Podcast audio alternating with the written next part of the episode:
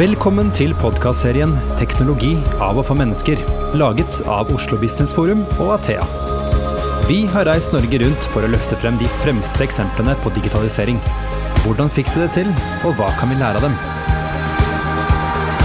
Velkommen til podkasten 'Teknologi av og for mennesker'. Også denne gangen har vi flyttet oss ut av podkaststudio og befinner oss i Gøteborg, på Bananpiren. Eh, I dag skal vi snakke om eh, det som kanskje er det hotteste eh, i tech-bransjen, og det er nemlig data, datadrevet utvikling osv. Med oss for å diskutere dette har vi Sigbjørn Høgne som er daglig leder i Sherpa. Og så har vi Steinar Holmedal, som er forretningsutvikler i samme selskap. Velkommen. Takk for det. Tusen Hyggelig takk. å være her. Takk i like måte. Eh, jeg tenkte vi kunne starte med deg, Steinar. Eh, hvorfor er det så eh, poppis nå å snakke om data? Det er jo Alle virksomheter snakker om data nå. Hvorfor har det blitt så poppis? Det kan jo være flere årsaker til det, men én ting som, eh, som, er veldig åpenbart, det er at nå er det veldig hot med dataanalyse fordi vi kan det. Altså, det har jo skjedd veldig mye på teknologisida de siste årene som gjør at det som tidligere ikke lot seg gjøre å integrere og analysere, det lar seg nå integrere og analysere. Så et av, et av svarene på det er fordi vi kan det. En annen ting som kan være årsaken til det, er eh, trender sånn makroøkonomisk. Når et eh, land som Norge går strålende bra, når eh, vi tjener penger som gress og, og alle er fornøyd, så ser man kanskje ikke så mye etter effektivisering og rasjonalisering og digitalisering av veldig mange av de ordene. Men så har vi jo hatt en periode med f.eks. litt eh, dårligere oljepris. Og da opplevde spesielt vi i vår bransje at plutselig så ble det mer interessant å se på hvordan man kunne effektivisere prosessene sine. Deriblant, deriblant gjennom det å bruke sine egne data og andres data til å ta bedre beslutninger. Så det er to, to mulige faktorer til hvorfor det vi holder på med er så som du sier, hot akkurat nå. Mm. Eh, og Sigbjørn, du har jo eh, sagt eh, gjentatte ganger at skal man lykkes med eh, digitaliseringsløpene, eh, så må det være datadrevet. Hva er det du egentlig legger i det? Ja, altså vi, vi, jobber jo med digitalisering, og digitalisering er et veldig generelt begrep. og mange ønsker jo hjelp til Kan du ikke konkretisere det for meg? Og da konkretiserer vi det med at for oss så betyr jo det å digitalisere å være datadrevet. Og Det å være datadrevet det er jo å ta på alvor hvilke data du har tilgang til. Hvilke data forteller noe om din virksomhet. Og hvordan kan du bruke de dataene til å ta bedre beslutninger, til å lage nye tjenester, redusere risiko, eller på en eller annen måte gjøre ting bedre. Uh, og som Steinar var inne på, det, det, produseres jo veldig mye mer data i dag. Vi putter sensorer i, i, alt mulig rart. Vi vet hvor bilene våre er vi vet hvor skipene våre er. Vi vet hvor mye vann som finnes i, i elver. Og, vi kan bruke disse dataene til å planlegge og organisere samfunnet bedre. Og skape gode tjenester. Jeg eh, har også lyst til å legge skyte inn at eh, det er, det er veldig mye forretning som er i total endring. Eh, kjøpesentrene er jo spådd døden. virksomheter går konkurs. gammeldags, klassisk retail sliter jo som bare det mens mye av businessen flyttes over på nett. Og Dette gjør jo at har du en virksomhet i dag som, som selger produkter og, og, og, varer på den måten, så, så, må du jo tenke hvordan kan jeg bruke data til å gi kundene mine et enda bedre tilbud. Rett og slett for å overleve. da. Og det er jo noe av de, de kundene vi syns er mest spennende. Det er jo faktisk de kundene som er nødt til å bruke dataene sine for å Man snakker om, om disrupsjon, disruptive teknologier og disruptive selskaper. Så når vi kommer borti en kunde som sier at eh, vi ikke bare ønsker å bruke dataene våre på bedre måte, vi må faktisk gjøre det. Ellers så er det, er det over og ut. Det er, eh, det, det er, på en måte de, de, de, mest spennende sakene vi jobber med. Mm. Vil dere si at, eh, at, norske virksomheter er flinke til å utnytte dataene? Eller er det litt sånn som uh, Fordi olje blir slutt på. Mens solen den blir bare sterkere og sterkere og blir bare mer og mer data. Og mer og mer sol er kanskje knytta til klima, hva vet jeg. Det er helt riktig, og, og det, er jo, det, er jo, en utfordring. Det er jo så mye data at hvis, hvis ikke du tar det på alvor og organiserer deg, setter det i system på en eller annen måte, så får du ikke nyttiggjort, nyttiggjort deg dataene. Uh, big data det er noe, det er ingen verdi for en virksomhet hvis ikke de klarer å organisere på en sånn måte at de som skal ha tak i dataene, faktisk får tak i det. Og Derfor så finnes jo selskaper som, som, som som det er jo det vi driver med. Organisere dataene, gjøre de tilgjengelige på en sånn måte at de som skal ha tak i det, får tak i det. Mm. Uh, big data er uh, Hva skal du med big data? Det er mye bedre med relevant data. Relevante data, viktige data for deg. Det er liksom syns vi er viktigere da, enn en big data. Men er norske virksomheter flinke? Det var jo det vi egentlig spurte om. litt som jeg var inne på i stad, så føler vi at, at norske virksomheter i, i, større og større grad er flinke. Mm. I større og større grad er eh, opptatt av det, og, og, det handler ikke bare om å sånn Kan dere komme hit og snakke litt om hvordan vi kan gjøre noe med dataene våre? Og så gjør vi det, og så skjer det ingenting har vi, vi, har, vi har, vi har snakka om dette i åtte år. I åtte år har vi snakket med eh, norske bedrifter om hvordan de skal ta i bruk nye data, ta i bruk dataene sine på en ny måte. Nå begynner det å skje ting. Så, så, så det, har skjedd mye På de årene? Norske, siste året, norske virksomheter har i hvert fall én klar fordel, og det er at de har ofte norske brukere. Og norske forbrukere de er gode på, på, digitale tjenester. Vi er jo eh, blant de beste i verden til å ta i bruk mobilteknologi. Eh, vi går rundt med Garmin på, på armen og trener og legger det ut på Strava. Eh, Sjøl så er jo prøver å være datadrevet da, i, i, forhold til trening. Fikk akkurat beskjed nå om at Garmin sier at oksygenopptaket mitt har gått ned fra 60 til 51. Det er fordi jeg trener for dårlig. Det er jo helt da, krise. Det er jo helt krise. Jeg lurer på hva jeg skal gjøre. Vi må ha, trenger et oksygenapparat. Ja, snart er jo sentrumsløpet nærmer seg. Men jeg kan jo da gå inn i, i, treningsappen min og se hvilken trening er det jeg nå har gjort, eller hvilken manglende trening har gjort at eh, oksygenopptaket mitt har gått ned. Og så ser jeg når var det jeg hadde høyt oksygenopptak, hva slags trening gjorde jeg da? Da har jo jeg en datadrevet tilnærming til hvordan jeg skal trene videre. Dette er bare et tullete eksempel, men det, liksom, det, illustrerer jo hvordan norske forbrukere faktisk forholder seg til data. Og det gjør jo at eh, norske virksomheter som skal selge til disse forbrukerne, de må jo virkelig steppe opp for å, for å henge med. Nettopp eh, fordi de kravene som vi er blitt vant til å, å, å stille til, til, til, vår egen bruk av data, de samme kravene begynner vi å stille tilbake til virksomhetene våre. Når vi får en kontinuerlig tilbakemelding på treningsopplegget vårt fra Strava og fra treningsklokka, så stiller vi jo de samme kravene til sjefen. Jeg irriterer meg over når jeg går inn i nettbanken, at ikke nettbanken min kan lage et budsjettforslag til meg. Han har jo alle transaksjonene. Han ser jo hvor, hvilke butikker jeg handler i, ser hvordan jeg sløser med kaffe, latterpenger og andre typer ting. Så, jeg, så, nettbanken burde jo gi meg et forslag at hvis du skal spare til en ny bil, så burde du legge om forbruket sånn og sånn, og du burde inngå en, en avtale der og der, for jeg ser du eh, osv. osv. Tenk så mye data som ligger der, som, som, kunne vært nyttiggjort. Eller hvis du er ute på lysløypa, da, så kan det jo hende at nettbanken din på et eller annet tidspunkt skulle sendt deg en melding så sier jeg kanskje du skal gå hjem nå. Ikke sant? Når du har vært innom x antall puber, og nettbanken tenker at dette her er både dyrt og dumt. Ja. Pass deg nå, du skulle jo spare til bil, skulle ja, du ikke? Ja, ja, dette var vi jo enige om. Så, så, så, det er klart at veldig mange av de, de personifiserte tjenestene, de forutsetter gode data. Eh, og det er jo veldig ofte der problemstillingene dukker opp når vi kommer inn til en bedrift, skal forsøke de å, å hjelpe de til å bruke dataene sine på bedre måte, så opplever vi veldig ofte noe som er forferdelig kjedelig, og som det har vært snakka om i hundrevis av år, men det er dårlig datakvalitet. Så veldig ofte så må man egentlig begynne der. Øke datakvaliteten.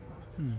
Eh, eh, nå har vi jo fått en digitaliseringsminister, eh, og dere har jo blogga tidligere om at eh, mange virksomheter som ønsker å digitalisere seg, ansetter en egen dig eh, digitaliseringsdirektør. Eh, men når jeg leser bloggposten, så får jeg en sånn følelse av at dere syns det er en dårlig idé. Ja, i hvert fall. Jeg, jeg, jeg, tror det er en veldig god idé å satse på digitalisering. Ja. Men spørsmålet er hvilket initiativ, eller hvor ærlig er den satsinga?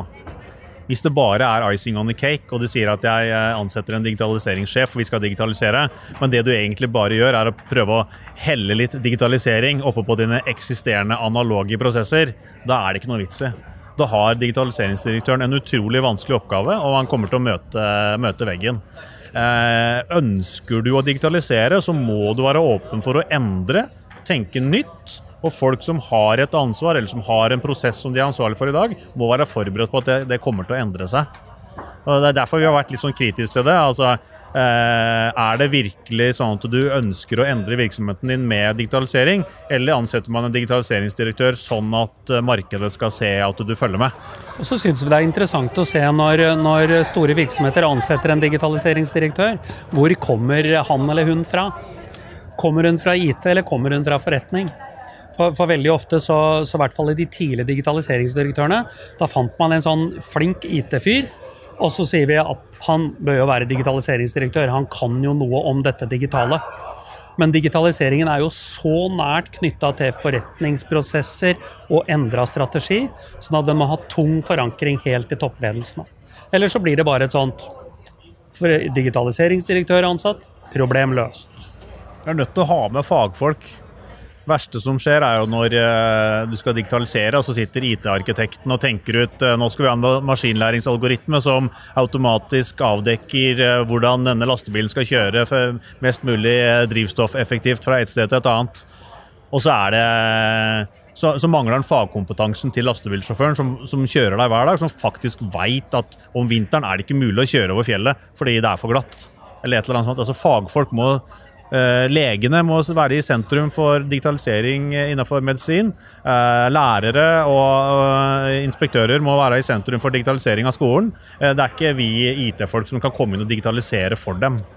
Så egentlig er det bare tull med digitaliseringsstrategier og sånne ting? da, så man, Det må være en del av forretningsstrategien. Mm, ja. Men dere snakker jo også om, om datastrategi er viktig. Det er noe annet igjen, da? Datastrategi er, handler jo om at du eh, Det er mye data i virksomheten din. Eh, det er et, stort ansvar å lagre data. Du må jo vite om det er lovlig. Hvis du lagrer data om personer, så må, eh, blir jo spørsmålet har du spurt om lov til å lagre dette. Hvem er ansvarlig hos deg for det? Hva skal du bruke det til? Eh, så det å ha en ansvarlighet i forhold til en datastrategi, det er helt nødvendig i dag. Vi har alle hørt om GDPR. Det finnes masse annet eh, compliance-regelverk som man må forholde seg til. Eh, så en datastrategi, det, er, det høres kanskje litt tørt og litt kjedelig ut, men det er dessverre noe du må gjøre. Så foregår, foregår det jo en kamp der ute i forhold til kampen om eierskapet til dataene som vi er veldig opptatt av å gjøre kundene våre bevisst på at de bør, de må eie sine egne data. Ikke, ikke, ikke selg dataene dine til et eller annet analysebyrå og få eh, ferdige konklusjoner tilbake. Eh, ei dine egne data. Ta, ta, et eksempel på det. da. La oss si at du har eh, et eh, skip som tilhører et rederi. Det skipet det utstedes med massevis av sensorer. De sensorene de måler eh, fart, kurs, temperatur, vær, vanntemperatur, alle, alle, sånne ting.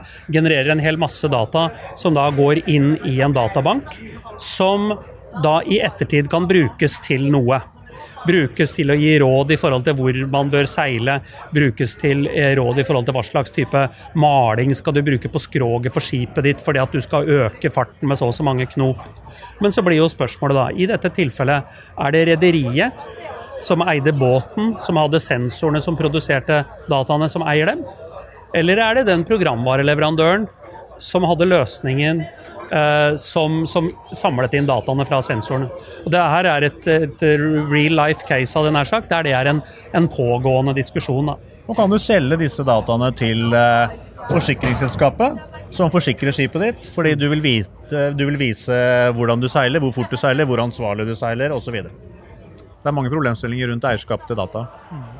Eh, dere Sherpa jobber jo med mange spennende kunder. Eh, Uh, Sigbjørn, hvis du skulle liksom trukket fram et par sånne ting dere gjør for noen virksomheter, hva skal det være?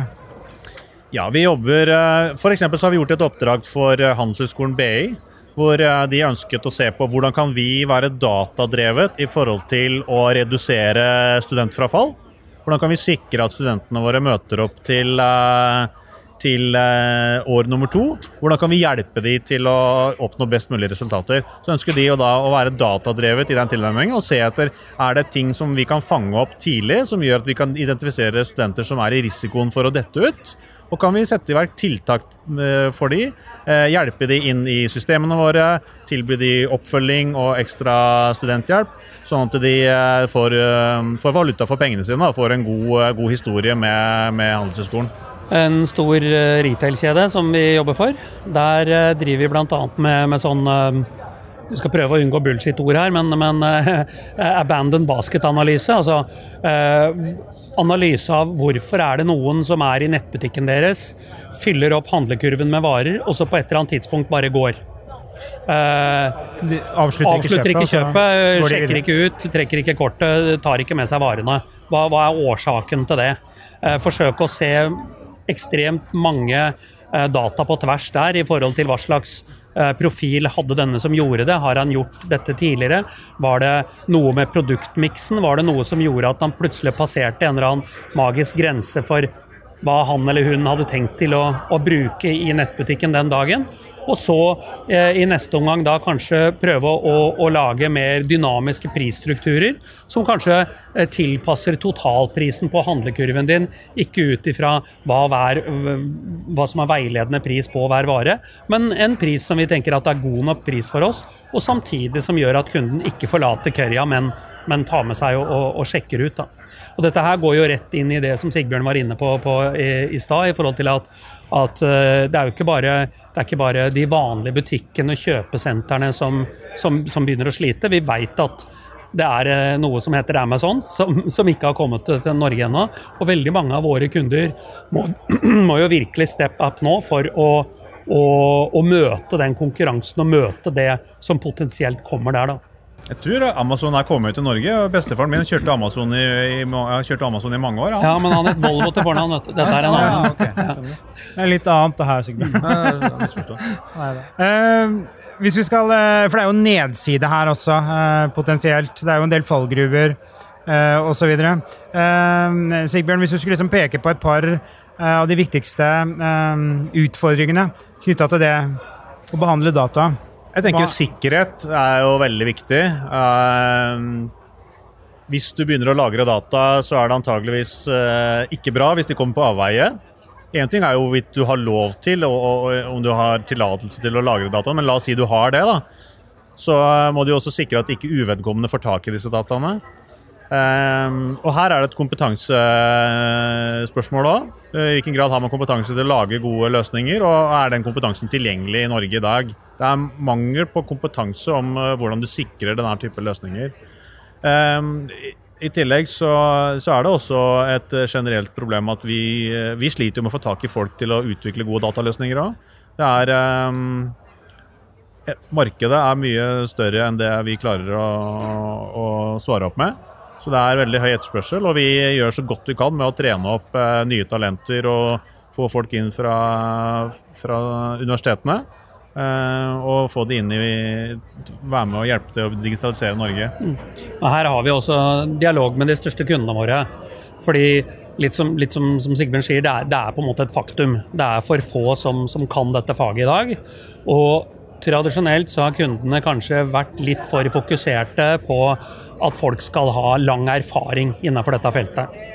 Eh, for det første så er det vanskelig å få lang erfaring på, på, på et nytt område. Så det som, det som, vi snakker mer og mer om i dag, det er at, at her må vi som, som konsulentselskaper eh, universitetene og, og, høyskolene, og ikke minst de store kundene, må faktisk samarbeide om en, nærmest en slags kompetansedugnad.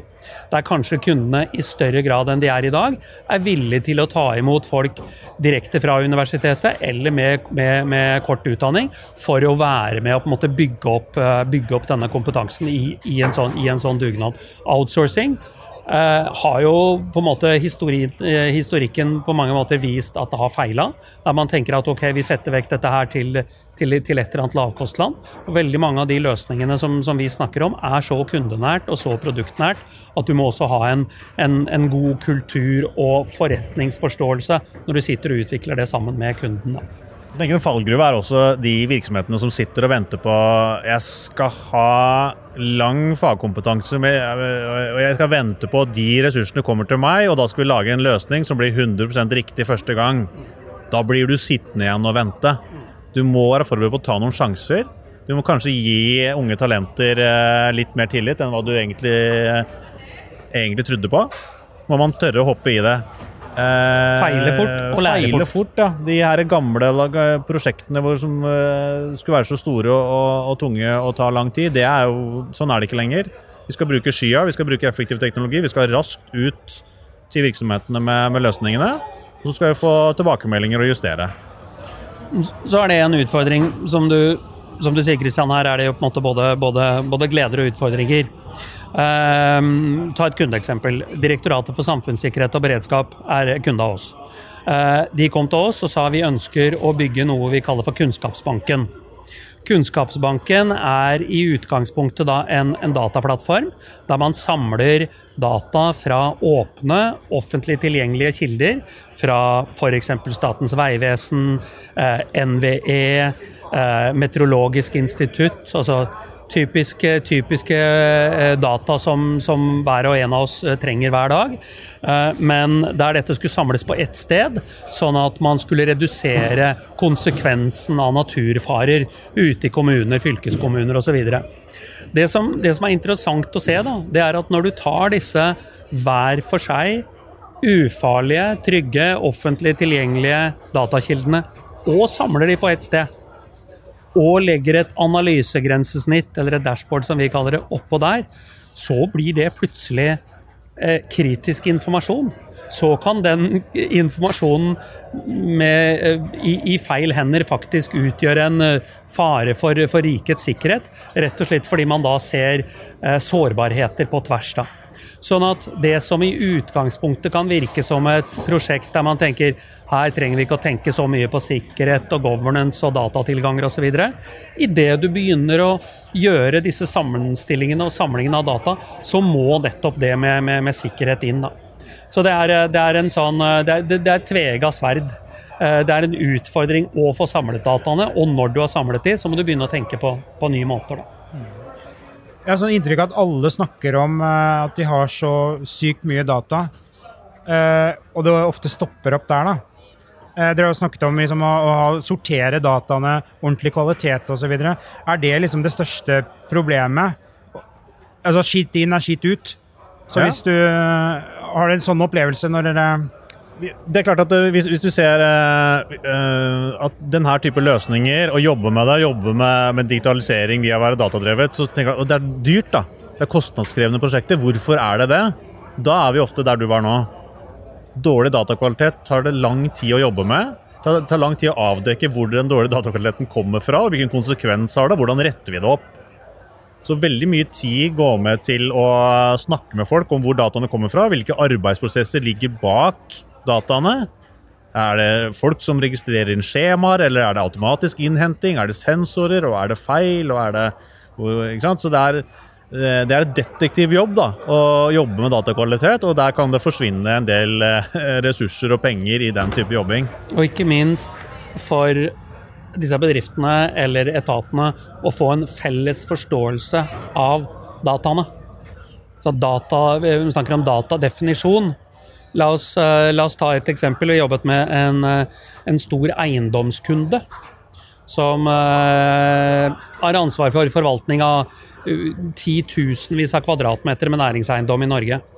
De hadde internt i systemene sine elleve forskjellige definisjoner av kvadratmeter. Som vi lærte på skolen at det egentlig er en ganske Ja, grei definisjon. Og vi tenkte uh, hvor vanskelig kan dette være?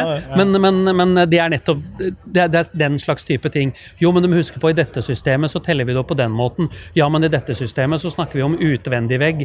Ja, i dette systemet så har vi innvendig vegg. Så når, når organisasjoner begynner å bli mange, når datakildene begynner å bli mange, så er dette en av de de, de mest krevende, men også ekstremt nødvendige jobbene blir enige om begrepsdefinisjoner i forhold til data. Så det er veldig jo- ofte sånne ting som, som fordyrer og for, for, forlenger prosjekter. Da. Så handler jo disse digitaliseringsprosjektene og dataprosjektene handler jo ikke om data. Det handler jo om folk. Det er jo det, det du kommer tilbake til hver gang, at det, det handler jo om folk. Eh, Hvem eh, jobber med hva, hva mener de, hvilken agenda har de, er det politikk, er det eierskap eh, osv. Så, videre. så når man går inn i denne, disse her type prosjektene, så, så blir det, det blir ofte politikk. Og um, ja, eierskap til data som vi har vært inne på, det, å, det er å bli diskutert, og det må skrives avtaler om hvem som har ansvaret for hva. Vi må snart avrunde, men jeg tenkte vi skulle avslutte med en litt sånn morsom greie. Fordi eh, dere, jo, dere er jo forkjempere for eh, å snakke enkelt, gjøre ting enkelt. eh, og liksom knekke alle disse buzzordene, da. Ja, vi har litt sånn buzzword-allergi. Ikke sant? Og bort med tåkeprat og så videre. Ja, fordi Så- vi er enkle sjeler fra landet. Og vi, vi prøver jo på en måte å ikke late som det er noe andre enn det vi like er. sånne hva det, sixpence, eller Ja. hva kalles det? Ja, ja. Så, det er, ja. Det er Peaky Blinders. Ja. Det er en ny trend. så jeg har fire ord, da. Eh, og så tenkte jeg vi skulle ta annenhver eh, annen- her. Eh, og enkel forklaring på hva det er. Og dette er ord som brukes ofte, som, har, uh, som jeg har samlet opp. Er dere klare? Skal vi starte med deg, Steinar? Ok. Ja. Uh, big data, hva er det? Eh, Big data, eller big data, da, som, som det heter på norsk, det er f.eks. data som er ustrukturert. Det vil altså si at det er ikke tall og kolonner som man har vært vant til fra tidligere. Det kan være data som kommer i bevegelse, altså fra sensorer eller andre ting. Og data som muliggjør at man kan eh, gjøre analyser og eh, lage løsninger som man ikke kunne tidligere. Er du fornøyd, Sigbjørn? Ja. Med svaret? Bra. Da går vi til neste. Det er den okay. din, eh, Sigbjørn. Eh, kunstig intelligens. Kunstig intelligens er jo at du har en algoritme, du har en algoritme som uh, gir deg et svar, men jo mer data du fòrer algoritmen med, jo smartere blir den. Blir den. Er du fornøyd, Steinar? Jeg ser på deg. Nei, jeg vil vil ikke det. Men eh, det, det, Ja, det, det fordi jeg tror at ordet algoritme er like gresk som kunstig intelligens. Men, eh, men det handler vel om å, å forsøke å la maskiner etterskape den menneskelige hjerne. Uh, Hvilket er forhold- umulig. Hvilket er umulig i utgangspunktet, men, men til en grad, da. Der man forsøker å få uh, datasystemer til å ta avgjørelser basert på uh, input fra data. Fra data. Da har vi det siste ordet. Den er enklere, da. Uh, og da er den din, Steinar. Oh, ja, sier du det? Men da ble vel den Sigbjørn sin. Hvis det Ja, var ok, enkelt. da, Sigbjørn, du må du kjøre dobbelt unna. Uh, dataplattform. Dataplattform. Uh, hvis du skal jobbe med big data, da, så det er, big ligger jo mye, så det er mye data. Uh, organisere det. Hvem har ansvar for det? Hvilke prosesser har du rundt det? Hvis du skal få orden på dette, så må du jo ha disse dataene samla et sted, virtuelt eller fysisk. Og så må du ha kontroll på hvem du gir tilgang til disse dataene. Og da må du ha disse dataene i en plattform i en eh, database eller en eh, datasjø eller databrønn, om du vil. Så det er et sted hvor du har dataene dine organisert på en sånn måte at det er lett å få tak i det for de som skal ha det. Det var bra. Siste til deg, da, Steinar. Eh, business intelligence. Ja. BI. Business intelligence eh, er eh, en samlebetegnelse på løsninger som du legger f.eks. oppå en dataplattform for å visualisere eller vise fram de dataene som løsningene inneholder. Som da skal gi en, eh, et grunnlag for bedre beslutninger for forretningen. Derav business og derav intelligence, da. Det er et litt, er et litt gammeldags ord eh, for oss som har holdt på med det en stund. Så vi foretrekker vel egentlig mer nå business analytics, eller forretningsanalyse-verktøy. for, for å på en måte ikke havne i tanker om eh, eh, klassisk teknologi på BI-siden som hadde mye begrensninger, da. Bra. Ja, Ja, er det det? Steinar og Sigbjørn, tusen takk for at dere kunne komme. Takk for og, at vi fikk komme. takk for at vi fikk komme. og tusen takk til deg som lyttet på. Du har nå lyttet til podkasten 'Teknologi av og for mennesker', laget av Athea og Oslo Business Forum. Følg oss i sosiale medier og på nettsiden vår athea.no. slash podcast. Vi setter utrolig stor pris på om du gir podkasten en vurdering i iTunes.